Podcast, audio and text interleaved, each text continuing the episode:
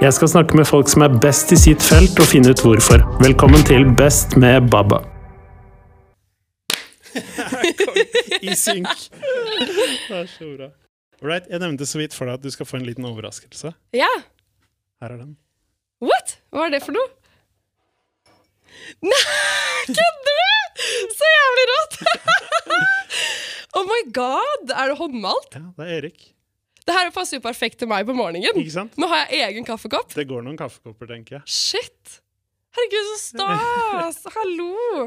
Hallo, drit i den. Ja, tar vi den nye koppen isteden. Eh, man- Det som ser veldig enkelt ut, er det veldig ofte mye hardt arbeid bak. 100 Og jeg føler at det beskriver jobben min ganske godt. Ja. For folk kommer liksom bort til meg og bare 'Ja, hvordan er det å jobbe med radio? Du sitter jo bare og prater piss.' Og så pleier jeg liksom bare sånn 'Ja, det er chill å dra den', men egentlig så er det jo Det er jo hardt arbeid. Vi er jo ikke så stor redaksjon på Energy. Eh, og vi planlegger jo alt selv, produserer jo alt selv. Altså alt som skjer der, gjør vi jo selv. Eh, og det er det jo ikke så mange som tenker på. Altså, prøv å stå opp en morgen eh, ti på halv fem, når jeg står opp hver mandag til fredag, eh, og i det hele tatt leve uten å liksom ha fått i seg noe kaffe ennå. Eh, jeg føler bare det å stå opp om morgenen er liksom en boost til meg selv. Å gå i et studio og um, prate da Det blir fra seks til ti, som vi hadde før, i starten, under covid, hvor du ikke gjør noe annet. Og det er sånn, jeg kan ikke sitte Ja, jeg så på Netflix og runka. Jeg kan liksom ikke si det hver mandag til fredag på radio. Liksom. Det går jo ikke. Så Jeg bare Snakker du til meg? Kjenn, vet du hva jeg heter? Eh, du må hjelpe meg med noe. Jeg bare ja, ok, hva da? Skal du ha en kaffe? Altså, hva vil du ha? Nei, eh, vi må ha noen til intervjuet Kygo. Ja. Og jeg bare ja, morsomt. haha, pff». Liksom, Det skjer ikke. Nei, nei, nei, nei, nei, nei. Jo da, kom igjen, det er gøy, det er aftermovie, vi må ha noe fett, liksom. Jeg bare, eh, så, Morsom vits, men altså, nei. Jo, kom igjen, tenkte jeg sånn. OK, ja ja, jeg får prøve. Kult med kjendis og alt Ja, det ja, der. klart. Eh, han bare 'Du har 20 minutter'. Jeg var sånn Det går ikke. Henta en blokk, eh, skrev ned noen spørsmål, eh, og så sier han til meg Jeg utfordrer deg til å spørre eh, hvem som har størst nese, han og søstera si. Og jeg bare Hæ? Og det sier han da rett før jeg skal inn i teltet der hvor de sitter. Jeg bare, jeg kan jo ikke gjøre det. Jo, gjør det! Og bare dytta meg inn. Eh, og jeg da, som får en sånn beskjed av en som jeg hadde da såpass respekt for, og som var en leder, og som eier liksom typ festivalen, jeg turte jo ikke gjøre noe annet. Nei. Så jeg sier da hei, Kristine, hyggelig, ja, jeg jobber for Stavern. jeg skal gjøre et, eh, et aftermovie-filmgreie. Ja, hyggelig. Kyre, hyggelig. Jeg er bare sånn Hvem har størst nese av deg og søstera di? Det var sånn. Jeg kjenner jo hjertet slår, og bare det her går ikke. Nå får jeg kjeft. Jeg kommer aldri til å få jobb igjen. Ja. Og han bare sånn knekker sammen av latter Ja. og peker på Trond. Og det var jo tidenes beste icebreaker noensinne. Og jeg bare OK, da gjør det i hvert fall litt lettere. Så gjennomførte jeg det. Det er fælt. Jeg ble klam. Ja, jeg vet det. Det, det var forferdelig. Og også bare sånn, Se for deg, jeg var da 20 år. Det var drit Det var helt forferdelig. Men det er veldig annerledes å sende radio aleine enn med flere. Mm. For det blir jo en helt annen utfordring igjen. Men samtidig også litt mer frihet til hva man vil gjøre og sende osv. Mm. Men eh, absolutt gøyest å sitte morgen. Til tross for at jeg må så jævlig tidlig opp. Ja, så det fikk jeg jo da i høsten 2019, blir det. Så jeg har sittet der siden. Stått opp tidlig siden. Forresten, den eh, episoden her er sponset av Mango IPA. Ja, Kristina prinsesse for anledningen. jeg vet ikke heller, det var tilfeldig at jeg hadde mango-caps og mango IPA T-skjorte, så ja. Jeg får sende en faktura til Peter. Gjør det. Konge, ass. Eh, Så, så tror jeg det er liksom målet mitt, å bare ha det bra og tenke at ting kommer når det kommer, ikke Mm. stress så jævlig mye. Nettopp. Så ja. Jeg tror det også er um, Det er en seier i noe du sier der, fordi Mm. når du bryter ned de profesjonelle og dine personlige mål, så henger de veldig sammen. Mm. Og det må jo være på en måte eh, definisjonen, eller det å strebe etter riktig type lykke, da. Mm. Ja, det er det, med det du sier med lykke. Og jeg føler veldig at i vår generasjon, i hvert fall 20-åra, eh, Det har du sagt, faktisk, at det er viktig at man på en måte eh, bruker de til å oppleve ting og gjøre ting og faktisk leve. Mm. Eh, mens jeg føler at i vår generasjon så er det veldig sånn Hæ, du er 25, har du ikke leilighet? Hæ, du, er, altså, du må jo ha det, du må det. Og det alle er så opptatt av hvordan det skal se ut for alle andre. At man faktisk glemmer å nyte det man har, eller det å være til stede der du er. Og jeg er 100 skyldig i det selv. Eh, men det er bare, man må bare prøve så godt man kan, og ikke havne i det hullet. For da er det vanskelig å komme ut iblant. Kjempe. Lykke har du jo vært inne på. Ja. Gjør det her meg lykkelig, ja eller nei? Mm. Check. Ja.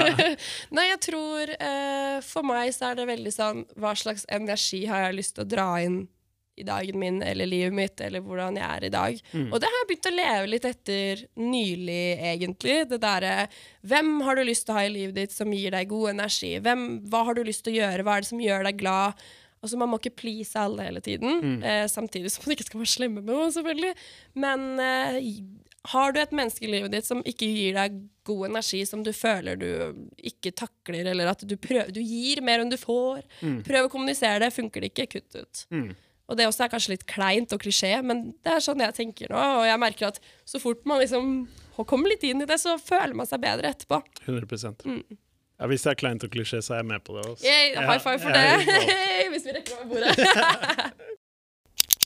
Jeg jobber faktisk sinnssykt mye med mitt eget hode på akkurat det der, for jeg må klare å gå fra å være dømmende, som jeg blir i 99 av 100 tilfeller Det gjør man alle. men liksom bare sånn OK, sympati, da.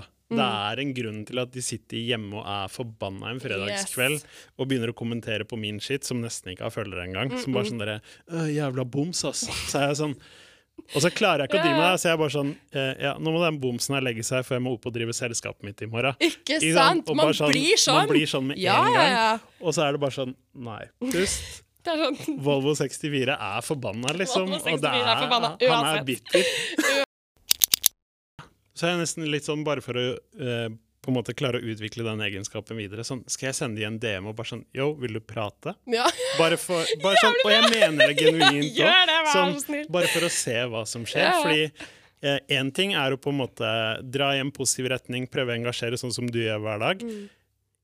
Men man vinner jo ikke på det på sikt, fordi man bare drar med seg de som allerede er positive. Mm. Hva med alle de sure grisene, da? Kanskje man kanskje skal faktisk bare sånn Hei, vil du, ha en klem, liksom? Sånn på ekte. Det skal jeg gjøre neste gang. Hei, du, din jævla radiohore. Vil du ha en klem? det er jævlig bra Jeg respons. skal, jeg skal teste det. Ja, Jeg gjør skal, det. Jeg, jeg skal legge ut hva responsen blir til Det er slutt. beste. Å, kong. Ikke? Nei. Jeg syns det er ekstremt mye flinke folk som jobber eh, sånn som vi gjør. Mm. Og nå skal ikke jeg smiske, men jeg syns jo du er et forbilde som Ja, gjør det her. Jeg syns det er kjempestas å sitte her. Eh, Jeg syns egentlig alle som gjør sin egen greie, og som tør, Mm. er forbilder for meg. Mm. Eh, og som deler sine opplevelser, om det er vanskelig. Åpenhet. Mm. Så det er liksom vanskelig for meg å nevne personer sånn Mm. rett på. Eh, men jeg syns jo Marte, som jobbet før meg, var flink. Mm. Jeg finner jo mye inspirasjon i andre som jobber i radio. Mm. Samtidig som vi prøver å være egne produkter, så det er sånn vanskelig å finne OK.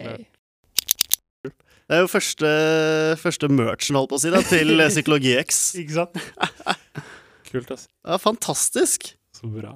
Vi, Tusen takk, ass. vi har jo blitt Du er min første TikTok-venn, da. Det må jeg si. Ja. Det er veldig Og så finner jeg da en lærer, egentlig, som, som er ganske underholdende, som er flink, og som jeg syns ser meg, da. Eh, og så gjør jeg det bra i psykologi. Og så er det litt tilfeldig at jeg, at jeg går for psykologi, men når jeg først da begynner der og kommer inn på psykologistudiet, så, så liksom forelsker jeg meg ganske mye i, i faget, da, og, og det med å forstå mennesker og hjerne og, og egentlig alt som faller inni der, syns jeg er helt fantastisk. Så, så da går det, går det videre på det studiet, og det er et studie som jeg syns er fantastisk gøy. Mm. Eh, trivdes utrolig godt med det. Så da har vi bare gått videre da, og bare for, forelska meg mer og mer og mer i det. For det, det er egentlig litt sånn rart sånn, da. Jeg, jeg starter jo på en måte ikke som forelska i det. Jeg Mm. blir forelska underveis. Den klisjeen av at uh, jo mer man lærer, jo, jo mer skjønner man at man ikke kan en dritt. mm. Det å kunne forklare ganske kompliserte ting på en veldig enkel måte. Mm. For det syns jeg har så enorm verdi nå i dagens samfunn. Det er så mye informasjon overalt, og det er så mye som skal fange oppmerksomheten din, og det er, det er så vanskelig å fokusere på ting. Da. Så du trenger, i hvert fall barn, tror jeg trenger et sted hvor du kan lære, hvor du ikke må lese gjennom 5-10-20 sider for noe. Du må liksom fange oppmerksomheten med en gang, og så må du gi dem litt informasjon og motivasjon. Og kan, hvis de da blir inspirert, da, så kan de lete seg videre da, og lese de 20 sidene etter det. Du trenger bare noe som tenner den gristen i det. Da. Ja, da, men etter jeg var ferdig med masterstudiet i psykologi, så bestemte jeg meg bare for, at, uh, for å flytte til Barcelona i fire måneder. Mm. Og da, da satsa vi jo, og jeg og en kompis, da, vi kunne ingenting om YouTube, egentlig. Mm. Så vi bare dro og så fuck it, vi må, vi må gjøre noe gøy her. Uh, vi hadde sittet inne med korona og skrevet master. Du satt og så på PC-en din egen oppgave i liksom seks måneder, da, ikke sant. Ja. Så var jeg sånn Fader, nå må vi gjøre noe gøy, altså. Nå, og vi fikk ikke lov til å dra på byen, ikke sant. Det var korona. Vi fikk ikke lov til å spille fotball, som jeg er mm. veldig veldig glad i, og som gir meg masse. Så var jeg sånn Nå må vi gjøre noe. Så da tok jeg han og bare, holdt på å si, bare pekte på kartet. Fant mm. en eh, by vi likte. Så bestilte vi Airbnb for fire måneder, og så sa vi nå Nå skal vi satse på YouTube i fire-fem måneder, og om vi ikke får det til, så går det helt greit. Vi kommer til å lære så mye på den turen her, og vi kommer til å møte kule folk, og vi får lært oss litt spansk, og liksom Det går fint, liksom. Vi kan jobbe om fire måneder. Det, det er ikke noe krise. Tøft. Det at jeg er født i Norge med ikke en rik familie i det hele tatt, men en vanlig norsk familie, som gjør at jeg kan faktisk velge og ikke Og også det norske skolesystemet, da, med Lånekassen og alt det her. Mm. Eh, som gjør at jeg sitter med litt gjeld. Men, eh, er, den muligheten da, til å bare ta de valgene som man ikke kan i veldig veldig mange andre land i verden, ja. det setter jeg utrolig pris på. Og så, og, så, og så, er det veldig mange som kommer bort til oss, da, meg og han Markus da, som var på den turen. De sa sånn eh, Å, dere er så heldige. Dere har Å, så, så, så, flaks dere har som har dratt på tur. Mm. Så, det her har jo ingenting med å være heldig eller altså, Noe har det med å være heldig, da. Vi har jo litt rann eh, vi lever i Norge, i en helt vanlig familie, så det er jo mange i verden som ikke får gjort det her. Mm. Selvfølgelig. Det er ikke noe jeg egentlig har styrt, så det er på én måte flaks. Men nesten alle som sa det her til meg, mm. hadde også muligheten til å dra selv. Mm. Men de bare valgte å ikke gjøre det. Og jeg syns det er så rart syn da på, på sånne ting. At å, det er så flaks som får gjort sånn. Det er, det er så typisk for, for, alle som går litt unormale veier, at man tenker sånn det er, nok, er ikke noe jeg kan gjøre selv. Og der har jeg vært veldig bevisst på å tenke over Hvis jeg sier noe sånt selv, mm. tenker jeg har jeg valget til å gjøre noe med det? Mm. Og da gjør jeg det ofte, da. Altså, mm. Har jeg lyst til det, og jeg har muligheten til det, så er det sånn det, det, er ikke så altså, jeg, har, jeg, hadde jo kjæreste, og mange vil også si at det er en stopp. Da. Jeg kan ikke være borte fra kjæresten din i Barcelona i fire måneder. Mm. Men for meg, altså, det gikk helt fint. Hun var på besøk en gang, og og man kommer tilbake, liksom. Man har mange, mange år sammen, og det er fantastisk. Men å miste fire måneder, det, det, det, klarer man som oftest å, å stå igjennom, da. Mm. Kult. Ja, fatteren, og Det har egentlig vært masse støtte fra fatter'n, og der har det spesielt vært fotball. da. Han mm. har jo vært enormt å stille opp der. og altså, Jeg var jo keeper, da, som jeg nevnte i stad, mm. eh, og pappa kunne jo egentlig ingenting om keepere. Ja.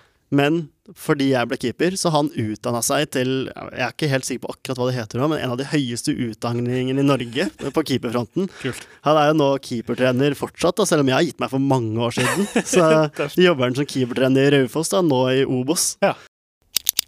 Løp, løper halv, halvmaraton barfot på snø. Det er noen litt stygge bilder der av de beina mine etter hvert. Altså. Jeg er ikke så god på sånne ting. Jeg fikk litt noia. Men det var fett. Jeg, når da fotballdrømmen ikke ble noe av, eh, så, så tror jeg jeg mista det lite grann, den der retningen som jeg alltid hadde. For jeg tror mange som sliter med den identitetskrisen, da, som har vært uh, idrettsutøvere. Og gans, jeg var aldri sånn supergod, men ganske god, da. Mm. Uh, og så kommer du liksom, du blir 18-19 år, og så mister du det. Du er liksom ikke den gode fotballspilleren eller turneren eller håndballspilleren eller hva enn det er. Mm. Og sånn følte jeg veldig på, at jeg hadde liksom ikke den retningen, jeg hadde ikke den identiteten da, som jeg hele tiden hadde. Altså det, jeg skilte jo ikke så veldig mye mellom fotballspilleren Jonas og personen Jonas. Det var liksom veldig mye av det samme, da. Mm.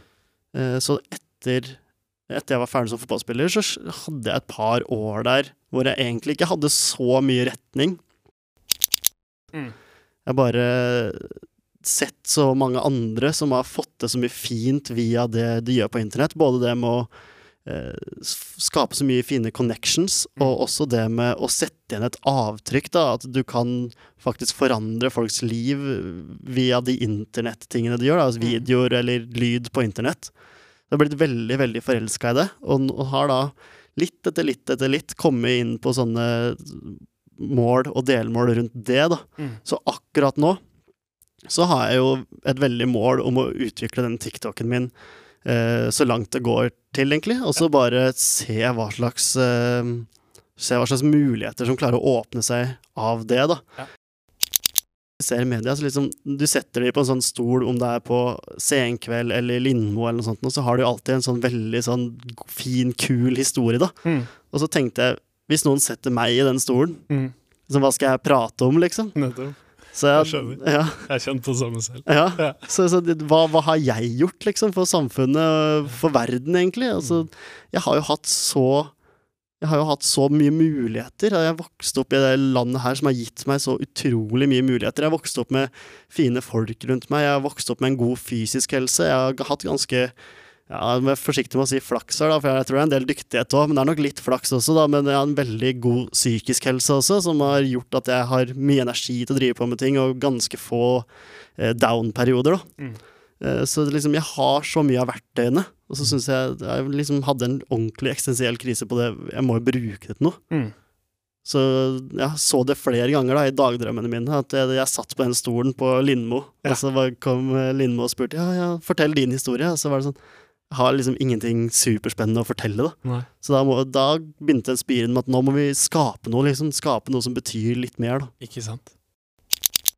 Eh, growth mindset er én type mindset, og motsetningen er da fixed mindset. Og growth mindset handler egentlig om at du tror at hjernen din er plastisk, altså at den er mulig å forandre. Mm. Og, øh, og personer som tror at hjernen sin er mulig å forandre, de ser mye mer muligheter, da. Både i, øh, i når du lykkes, og spesielt når de feiler, da. Mm. Fordi personer som da har et fixed mindset, altså som tror at hjernen sin ikke kan forandres, eh, eller tror at sin intelligens er noe fastsatt, som tror at for så vidt trenger ikke nødvendigvis å være hjernen, da, men det er det de bruker i, i denne forskningen. da. Kan også være kroppen, for så vidt. Eh, De som har et fixed mindset, de, de skylder da veldig ofte på noe utenfor seg selv. Hvis du får dårlig karakter på skolen, så er det læreren som har gitt deg eh, dårlig karakter Altså det er urettferdig, da, Mm. av læreren. Eller der du fikk tilfeldigvis de spørsmålene de, du ikke øvde på. Eller et eller annet sånt noe. Mens en med growth mindset vil jo da si jeg jobba ikke godt nok. Jeg hadde muligheten til å, til å jobbe eh, til, å, til å gjøre det her, men jeg la ikke inn eh, god nok innsats. Og hvis jeg skal gjøre det bedre neste gang, så har jeg muligheten til å legge inn en annen innsats. Jeg har muligheten til å forandre eh, hvordan jeg tenker, og hjernen min til å gjøre det bedre Mm. neste gang.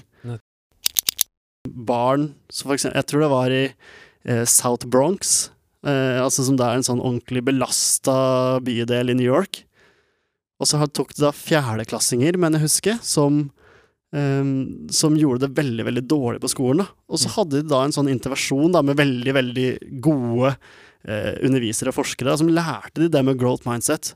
At eh, du er ikke født sånn, på en måte. Det, du har muligheten til å forandre deg. De lærte, de, de lærte helt, faktisk helt sånn basic om at hjernen eh, kan, Du kan forandre nevronene og liksom eh, veiene da, i hjernen din. At hjernen din fysisk kan forandre seg, Mm. bare du øver og lærer. Og med den nye tanker Ja, det var selvfølgelig mer enn det der, da, men det er altså en bit av det. Du lærer sånn generelt da, at du kan uh, forandre på evnene dine og hjernen din. Og da gjorde det, den skolen gikk fra å være en av de aller, aller dårligste til å bli en av de Eller den ble, faktisk den beste skolen i New York på matte, da. Så når du forteller da til alle jenter at de er dårligere i matte, Mm. så tror de på at de er dårligere i matte. Nettopp. Mens hvis de da får vite at hvis du øver på det her og, altså, det, er ikke noe, det er ikke noe hindring for jenter. Det, det er bare ditt eh, mindset og dine øvingstimer og din kvalitet i øvingen som har noe å si. Da. Du har muligheten til å endre på evnene dine. Det er ikke noe fastsatt som sier at jenter er dårlige i matte. Mm. Så, og det, det hjelper jo på. Altså, du kan tenke deg, altså, Hvis du skal begynne å bli fotballspiller når du er 26, altså, du har jo egentlig ikke sjans, ikke sant? Du må jo trene fra du er så- Nå må du egentlig begynne å trene fra du er seks år. Ja. Og det er litt sånn med det andre ting òg, at jeg tror ikke nødvendigvis du er født med talent, men jeg tror det er noen som begynner å trene tidlig. Mm. Noen ganger bevisst, og noen ganger litt sånn ubevisst, da, som jeg sa med Jonis Jonsef og, Mm. og, og komedie. For jeg, jeg tror han har øvd på det eh, time inn og time ut gjennom hele barndommen, selv om det ikke var bevisst. Og så har du Martin Ødegaard, da, som helt bevisst har øvd på det han ville bli god på. Og han tenker vi, han er naturtalent. Han er, han er født med en helt spesiell gave. Og jeg personlig tror ikke på det. Nei. Jeg tror han har lagt ned utrolig mange kvalitetstimer med trening Mm. eh, fra utrolig tidlig alder. Fikk hjelp av faren sin, som kunne en del om det. Mm. Som gjorde at han kom et steg foran andre. Når jeg ser på liksom, Hvis du ser på kroppen på en måte Martin Ødegaard og sånn, det er jo ikke noe spektakulært egentlig der. Det er jo en ganske vanlig fotballspillerkropp. Mm. Det er jo hodet hans og teknikken hans, og det, det skal Det for meg skal være helt tillærte egenskaper. Mm. Og så sa hva er, det som, hva er det som får disse personene til å prestere, da? Og så fant jeg ut at det var ikke IQ, det fant jeg ikke noe særlig på. Eh, ikke sosial intelligens, egentlig. Altså selvfølgelig noen yrker, men det her er sånn gjennomsnitt, da. Mm. Eh, og utseende, nei, det var egentlig ikke det. Men det, var, det hun fant, da, var jo det som kalles grit. Og grit er det, veldig kort forklart, eh, så er det utholdenhet og passion for langsiktige mål. Ja. Altså, du setter deg et langsiktig mål, og så har du på utholdenheten til å jobbe dag inn, dag ut mot det målet. Og så i tillegg har du den passion, da, det som er litt sånn vanskelig å måle, men det er når du spør de personene, så, så, så forklarer de en veldig sånn indre driv, en sånn, en sånn kraft da, som får de til å jobbe mot det målet. Det er ikke noe som blir satt på de, det er noe som de ønsker å gjøre, og noe de ja, en sånn flamme inni dem, da, som er på en måte en av de beste eh, måtene jeg kan beskrive det på. Mm. Og veldig mange av de som lykkes, er veldig bevisst på at de lever livet som en maraton, og ikke som en sprint. Mm. Nettopp. Jeg har vært veldig på å ha mål hele tiden, Mm. men eh, ja, inntil nylig, vil jeg si, så føler jeg at mål har blitt litt overvurdert, for min del, eh, fordi det er vanskelig å se så langt frem i tid. Eh, så jeg har lent meg mer på å bygge opp gode systemer som gjør at jeg kommer meg til målet, og Mm. bryte ned, da. Og det jeg også ser en del med de jeg har snakka med òg, at de, de har et mål, men de, de klarer å backtracke det til daglig gjøremål, nesten. Da. Mm. Har du noen tanker rundt det? Ja, altså Det også er jo en del forskning på at hvis du har et langsiktig mål, Mm. så kan det ofte virke veldig sånn Det er så langt unna at det er så utrolig vanskelig å legge ned innsatsen i dag. Mm. Så man må, man må, som du sier, man må bryte det ned. Eh, og man må finne ut av Jeg i hvert fall tror at det er veldig viktig å finne ut av hva skal jeg gjøre i dag og i Mm. morgen og denne uka Mhm. for at jeg skal være uh, At jeg skal kunne nå målet mitt om ett til eller fem eller ti år, da. Mm. Jeg er ganske glad i å si målet mitt høyt Mm. til de rundt meg. Si liksom, det her har jeg lyst til å oppnå, Mm. uh, og spesielt at de nærmer meg. Jeg har ikke noe eh, stort behov for å liksom si det til alle, Mm. men det er noe med det å bli holdt ansvarlig da, for det du gjør. Mm. Men så er det også litt sånn at jeg liker å å jobbe litt i skyggen. Det er også noe tilfredsstillende med det. Altså bare vite at nå legger jeg ned timer, Mm. nå jobber jeg på, eh, og, så, og så kan jeg på en måte vise fram at jeg har skapt noe, da. Det er Mm. også noe fint i det. Så jeg, jeg driver med begge deler. Det er både, både det med å si det høyt og vise det fram, og holde skjul. Det kommer litt an på prosjektet. Jeg har en liten sånn indre konflikt med meg sjøl på akkurat det samme. Mm. Fordi eh, for eh, spesielt det vi driver med her, og hvis man jobber med artister f.eks., og sånne ting, så er man jo avhengig av å snakke høyt eh, for å bli sett og lagt merke til. Men en del av meg også har lyst til å ikke være så synlig, eh, og heller snakke høyt når man har eh, fått til noe spesielt. da. Så der blir jeg litt sånn dratt frem og tilbake. Jeg er usikker på om det er noe med personlighet, eller om det er litt jantelov som kicker inn, eller hva det måtte være. Mm. Men jeg har liksom ikke noe ordentlig godt svar på det. Jeg også var lik deg der, at jeg har bare mata på på TikTok, men jeg har ikke gjort noe for at noen av mine venner eller noe sånt skal følge meg. Mm. Det er bare latt algoritmen leve sitt eget liv, basically. Mm. Jeg syns det der er interessant, og litt vanskelig, egentlig. Ja. Når når man sitter hjemme og ser på sosiale medier og ofte ender opp med å sammenligne seg. Det er veldig mye mer bak det. Mm. Det er ikke bare plutselig så har man råd til en fet bil. Mm. Eh, og det er ikke noe grunn til å føle seg mindre vellykka fordi eh, en barndomskompis har kommet mye lenger enn deg. Det er alltid noen prosesser bak det. og der er jo også growth mindset veldig spennende, da, i forhold mm. til å eie på en måte sin egen prosess og gå inn for å utvikle seg òg det egentlig er noe som burde vært mer og mer inne i skolen nå, for skolen er bygd opp altfor mye nå, syns jeg, til å lære spesifikke ting. Mm. Mens i 2022 og årene framover, så det vi trenger å lære oss, er jo hvordan lærer man best? Mm. Eh, hvordan, hvordan, kan man benytte seg av den kunnskapen som ligger ute? Hvordan leser man kunnskap? Hvordan tolker man hva som er sant og usant? Mm. Det er jo det som er stått alene og triksa i en sånn sport som på en måte ingen andre har forstått seg på. Ingen andre, har, uh, ingen andre har trodd kan bli en jobb eller en karriere i det hele tatt. Og fortsatt så møtte han opp da, og triksa mm. og drev på og gjorde det han syntes var gøy. Det er også det som kjennetegner mange av de som er ganske store youtubere og sånn nå. Uh, folk har sikkert hørt om David Dobrik og ja, Yes Theory og sånne ting. De, de, begynte jo nesten før det var noe særlig penger å tjene på YouTube. Mm. Tobias er faktisk et kjempegodt eksempel på det, det å ha et growth mindset. Fordi når han begynte å trikse, så var det jo ikke Han starta ikke å lage content med en gang heller. Mm. Det kom jo etter hvert. Eh, og det var noe han lærte seg og tilpassa seg og utvikla.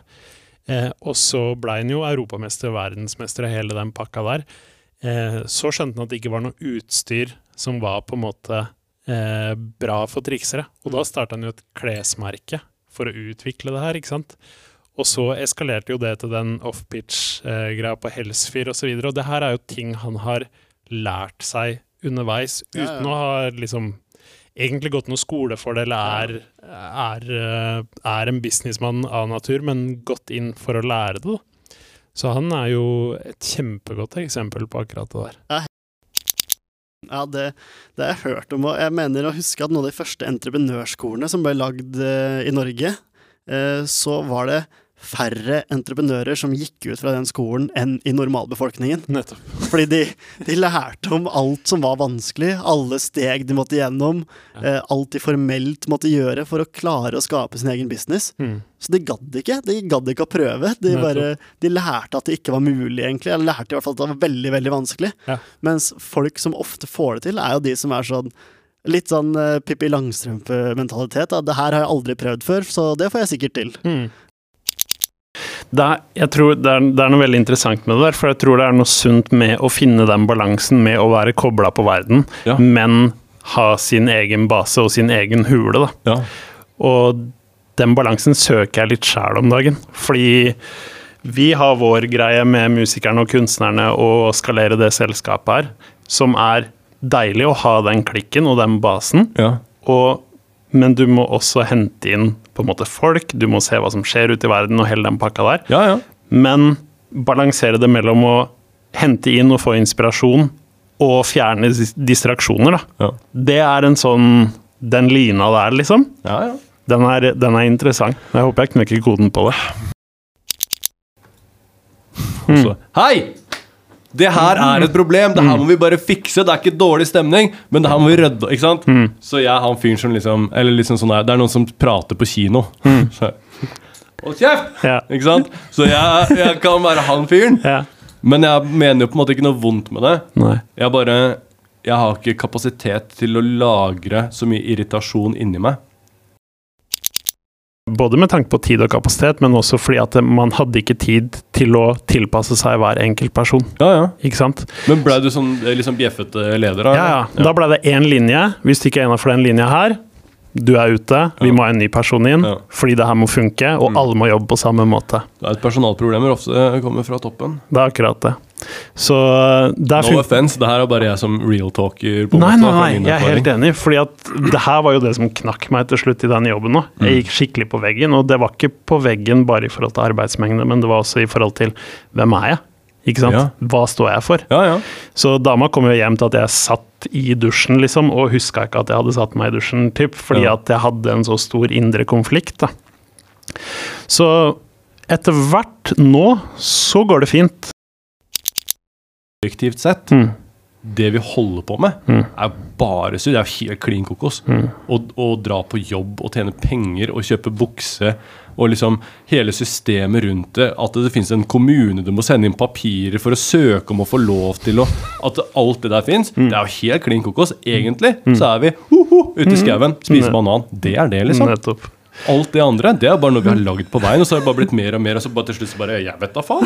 Så sitter vi og prater i mikrofon på den, der, på den boksen som folk sitter og ser på på trikken, og bare Øy, faen, for noen idioter er de her, er, liksom. La meg skrive det på chatten deres, eller hva faen det heter. Nettopp. Så tålmodighet da, har blitt en stor greie for meg, for vi er egentlig bare apekatter alle sammen. Ja. Jeg driver og, og liksom uh, lefler litt med noe som heter timeboxing. Hvor at man til og med gjør det bevisste valget dag for dag. Mm. Så mange timer kan jeg bruke på de forskjellige tingene som jeg holder på med. da Mm. Um, som Jeg har gjort det tidligere, men, men da har det vært litt mer sånn tilfeldig. Men jeg bare fordeler hvor mye prosent av min energi jeg kan bruke på en ting. da jeg har, sett, jeg har sett Elon Musk og sånn snakke om det her, hvor han liksom blir spurt sånn Hvordan har du tid til å drive The Boring Company? Han er sånn, «Eh, Det tar 7% av min tid. Mm. Det er masse andre mennesker som jobber på det prosjektet. Det her er ikke noe som krever noe mye av meg, liksom. Eh, så jeg også jobber litt sånn, da. Jeg har mange, mange ting som jeg driver med, men noen ting så er det andre mennesker som er involvert i det, som gjør at jeg har, har en uh, mindre arbeidsmengde på meg, da. Mm. Eh, Jeg tror du har noe veldig bra der, som du sier. Og ja, det, ja. det er at du, du har en evne til å forenkle ting og bryte det ned. ikke sant? Backtracke ting hele veien. Men det også er jo en helt sinnssykt god egenskap når man tenker sånn som du gjør, tenker jeg. Fordi Mm. at I og med at du er så på å bare hoppe i det, Mm. så må man jo faktisk bryte det ned og forenkle det ja, ja. for å starte, ikke sant? Mm. Fordi du er jo kjapp på å starte ting. Og det gjør deg til en veldig interessant karakter, da. Fordi det er jo sikkert derfor også da. Du blir typete, og du, du klarer å skape jævlig mye jævlig fort, ikke sant? Ja. Fordi at du bryter det ned til det enkleste, og så setter du i gang med det. Og så er du tydeligvis ikke redd for å feile, da. Fordi Nei, nei, nei. det, det kommer jo til å komme utfordringer, Ja, ja, ja. men det er jo som faen, fordi du er bare på punkt én. ja, og så kommer to-tre med alle feila imellom etter det. Ja. Men tror du helt seriøst at Bjørn Dæhlie ble best til å gå på ski, for han ble fuckings født god til å gå på ski? Hva tror du det, liksom? Jeg ser på alt som det samme som å være elektriker. Mm. Og, og tror at en elektriker bare er ble bare født god til å skru stikkontakter. Jeg. Nei, du bare lærer deg hvordan du skal gjøre den tingen. Steg for steg. Du må begynne å koble noe strøm, prøve å ikke få strøm hele tida. Jobbe deg oppover, og så lærer du mer og mer, og så blir du flink til den tingen. Så hvis du jobber hardt i det, så blir du dritflink. Hvis du jobber litt sånn halvræva, så blir du midt på treet. ikke sant? Mm. Jeg bare ser på alt som det. Mm. Jeg ser på talent og liksom eh, sånn Guds gave eh, som 1% tilfeldig genetikk, 99 hardt arbeid. Mm.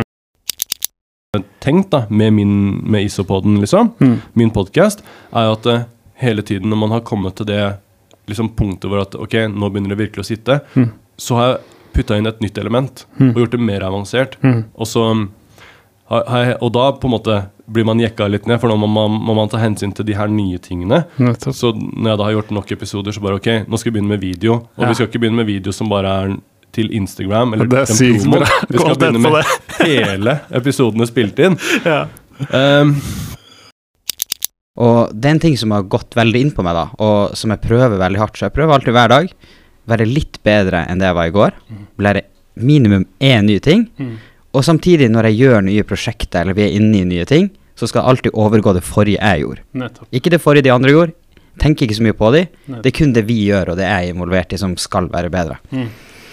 Og på den måten føler jeg at da får du Da får du liksom muligheten til å bli bedre hele tida, uten at du blir lei deg for noe. Mm. Altså Greit nok hvis jeg ikke slo meg sjøl forrige gang, så må jeg bare jobbe litt hardere, så gjør jeg det neste gang. Ikke sant. Ja, det er veldig godt, uh, veldig godt utgangspunkt. Så jeg tror også fra et sånt eh, mental helseperspektiv også, så er det Ja. veldig sunt å ikke drive og sammenligne seg med andre hele tiden også. Mm.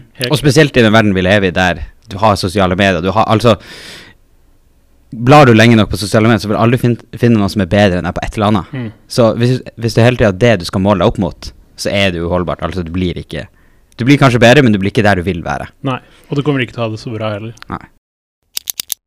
Da tror jeg det heter Blink. Stemmer det? Det var min første introduksjon til sosiale medieverden, og egentlig bare Da brukte jeg veldig mye tid på, for jeg syntes dette var veldig interessant. Ja. Skjønne hva er dette, og hvordan fungerer ting. Og så kom jo Nettby. Ja. Og så kom jo Facebook på banen. Stemmer. Og så begynte liksom det å utvikle seg, så kom jo smarttelefonene. Mm. Så var det jo Instagram. Og så bare bygde det på seg med veldig mye forskjellig, da. Mm. Og det var også Så jeg tror egentlig at de tingene jeg har brukt mest tid på i livet mitt, det er jobb, sosiale medier og gaming. Mm. Det har liksom vært primært det, av- det som har vært mye av min, min barndom og oppvekst. da. Perfekt rolle du sitter i nå, da. Ja, ja, ja. Helt perfekt. I ettertid så har jeg skjønt at dette er ganske sykt. For vi hadde en nyoppussa leilighet i Sofies gate, som er liksom rett med Bislett stadion og høyskolen og hele Mm. pakka, på 125 kvadrat. Ja. Fire soverom, stort bad, gigastue, Ja. Og den betalte vi 16 000 i måneden for. Herregud. Og jeg tenkte jo at dette, dette var sikkert normalt, det er sånn det er å bo, eller. Og vi hadde jo to store, og kompisen min han til Vebjørn, da, han er like gammel som meg òg, men um, vi hadde jo da to store kjøleskap ved siden av hverandre med frysere og hele pakka. og det ble veldig sånn at ene kjøleskapet var til øl og sånne ting, mens andre kjøleskapet var til mat. Og så kom jeg over en kar som var sinnssykt god. Altså, han gjorde ting jeg aldri hadde sett før. Mm. Han hadde en kontroll og Altså, de tingene han gjorde, og måten han benytta de forskjellige funksjonene i spillet på, var sånne ting jeg aldri hadde sett før. Og jeg mente jo at jeg hadde brukt ganske mye tid i spillet. Jeg var ikke den beste, men jeg kunne forstå det. Mm. Og jeg visste også hva de som var Altså de folk mente var de beste gjorde. Og jeg så liksom ok, her er det Her er det en stort nivåforskjell. Mm. Altså han her er mye bedre. Og um, i semifinaler ehm, så kom denne personen på andreplass. Mm. Uh, da ble du kvalifisert til en turnering i Polen. Ja. Dit skulle jeg allerede med noen kompiser og se på Counter-Strike. Ja. Og da var det sånn, ah kult, da er han der, og da kan man kanskje se det live. Og. Men så ble det veldig mye skriverier både på Twitter og litt andre steder. Og der så jeg at ok, denne personen her, han er 13 år. Mm. Aldersgrensa for å være med på turneringa er 16. Ja. Så han kvalifiserte seg, men han fikk ikke lov å dra. Ja. Og jeg sånn, oi, dette må jeg sjekke mer ut av. Så har jeg søkt opp på YouTube, Twitch igjen, og alle disse forskjellige sosiale medier. Fulgt han, subscriba osv. osv. Instagram var det ingenting. Og så var det sånn at hver dag så var jeg inne og sjekka, for jeg hadde lyst til å se mer til dette. Mm. Jeg var veldig, jeg var veldig bitt av Fortnite-basillen. Var sånn Det her har jeg lyst til å følge med på. Mm. Og klarte egentlig ikke å finne så mye. Så um, det jeg gjorde da, var at jeg egentlig bare Jeg bare prøvde å sjekke enda mer. Jeg bare Navnet, litt sånne, sånne ting. Fant ut at han var norsk. Ah, kult, det er faktisk en nordmann som er så god. Fant ut at han bodde ti minutter unna der jeg bodde i Oslo. Ja. Oi! Enda kulere. Så jeg mota meg litt opp da. Jeg gjorde det ikke mens jeg var i Bodø, jeg gjorde det faktisk i loungen på Gardermoen. Ja. Uh, så sendte han en melding på Twitter og sa hei, du, jeg syns det du gjør er skikkelig kult, og husker ikke alt jeg skrev. Nei. Men i sum opp, da, så det jeg fortalte han, var egentlig hva jeg mener at jeg kan bidra med, Mm. Hvis han har lyst på hjelp. Ja. Og det var egentlig typ systematisere sosiale medier. Um, få opp en god og stabil videoproduksjon. Altså utnytte denne hypen som er rundt dette, Mm. til å faktisk bygge seg et stort brand online. Mm. Samle sammen alt. Og det jeg brukte da som benchmark på det vi la ut, var egentlig syns jeg det er kult eller ikke. Mm. Jeg så ikke på noe annet. Ingen andre fulgte Jeg fulgte med på hva de andre gjorde, men jeg sammenligna ikke contentet. Og det resulterte i etter tre måneder så nådde vi første million. Det var vel på Jeg husker ikke plattformen, for gikk, altså denne perioden gikk veldig fort. Ja. Eh, men det var iallfall første million. Eh, så gikk det en måned til, så var det andre million på en annen plattform, og så var det tredje million på tredje plattform. Og da da var det plutselig såpass mye å gjøre inni, inni denne verden der, da, Mm. at samtidig som jeg jobba med dette, så hadde jeg jo egentlig tatt på meg litt sånn managerrolle, sakte, men sikkert. For det kommer flere og flere henvendelser. Mm. Jeg hjelper til, svarer, sorterer ut, sier 'dette mener vi kan gjøre', det, det her gjør vi ikke, for det er bare tull, og så videre og så videre. Og da, etter hvert så var det ganske naturlig at jeg faktisk skulle være med på dette, Mm. og faktisk være manager, da. Så da ble jeg manager, jeg tror dette var etter sånn kanskje syv-åtte måneder. Eh, Så dro vi på vårt første offisielle arrangement sammen der jeg var manager. Det var i San Diego. Veldig kult. Der kom de på tredjeplass. Um, ærlig. Jeg har jobba ganske mange år eh, med salg og, og drift, og det jeg eh, ser over tid, er at de eh, De personene som var tilselgere som baserte mye av strategien sin og jobbet på, tillit, Mm. det var alltid de som eh, gjorde det best med tall over tid. Mm. Og også de som har fått veldig gode jobber i ettertid også, fra å jobbe deltid og studere ved siden av til å etablere seg veldig, veldig, veldig godt nå. Da. Og jeg Ja. tror det er noe der i forhold til folk som går inn med mentalitet om at jeg skal være ærlig og jeg skal bygge ting på tillit. Mm.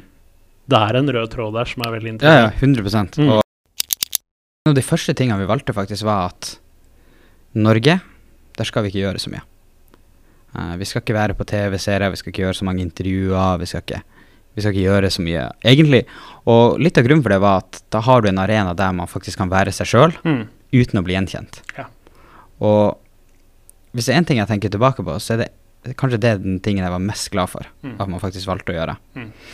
Og for at når du har med så unge personer å gjøre, så er det jo veldig sånn at altså dette former deg uansett.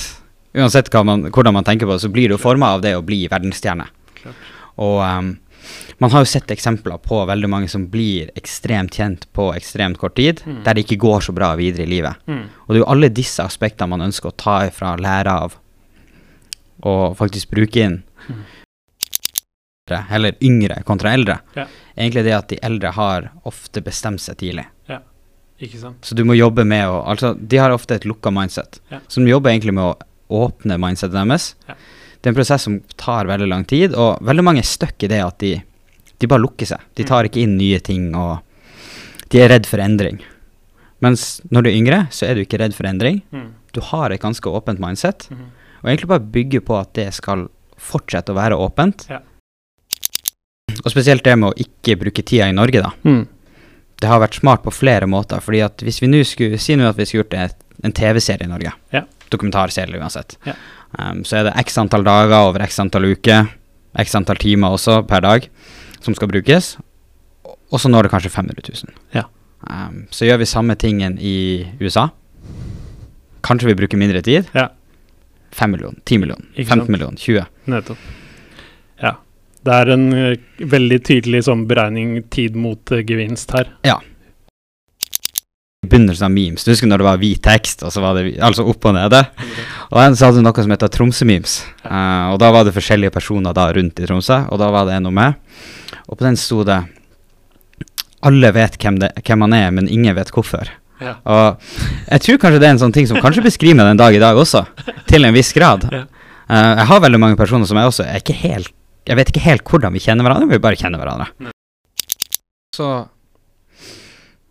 jeg vil si at en av mine største forbilder, det er kanskje bestefaren min, farfaren min. Um, han er en legende i fiskeindustrien. Han har vært en av verdens største eksportører av klippfisk. Ja. Um, så veldig, veldig, veldig giga. Veldig, veldig stor bransje. Var veldig tidlig ute i det som er med lakseoppdrett, og var litt pioner innen mye av dette helt i starten. Mm. Uh, Riktignok lyktes ikke han like godt med det, men har fortsatt med klippfisk og hvitfiskdelen. Mm. Og um, jeg skulle riktignok ønske at jeg hadde bedre kontakt med han. Um, men jeg bruker å si sånn at hvis det er Hvis jeg blir noen gang en tredjedel så god å arbeide som han, Mm. så er jeg jævla god. Ja. Fordi at det å gå ifra å være en vanlig gutt som bor i Oslo, gå på skole og hele pakka, til å være en verdenskjent Altså en internettkjendis, i Mm. tillegg til å være en vanlig kjendis, Mm. til å være en av de beste i den idretten eller det spillet han holder på med. Mm. Altså, det er veldig mye Og det er veldig lett å bli cocky. Mm. Det er veldig lett å bli cocky, det er veldig lett å være stygg med andre, det er veldig lett å være spydig. Altså gjøre ting som Og spesielt når du er Når du er ung, og du har Spesielt ung gutt også, kroppen full av testo, og Mm. altså du er bedre enn alle andre. Og bare måten der det ikke er Det er ingen negativitet, det er ingen drittslenging, det er ingenting stygge ting. Og bare måten det har blitt håndtert på. Mm. En ting som liksom Jeg får litt gåsehud når, jeg bare- når jeg snakker om det også, fordi at å klare å håndtere det å ha titalls millioner følgere, Ja. og ikke gjøre noe negativt noen som helst ganger, Ja. det er ganske sykt. Ja. Da har du noe godt i deg Ja. helt, helt inn i ryggraden. Mm. Husk å følge oss på YouTube, og der du hører podkast, gi oss gjerne en tilbakemelding.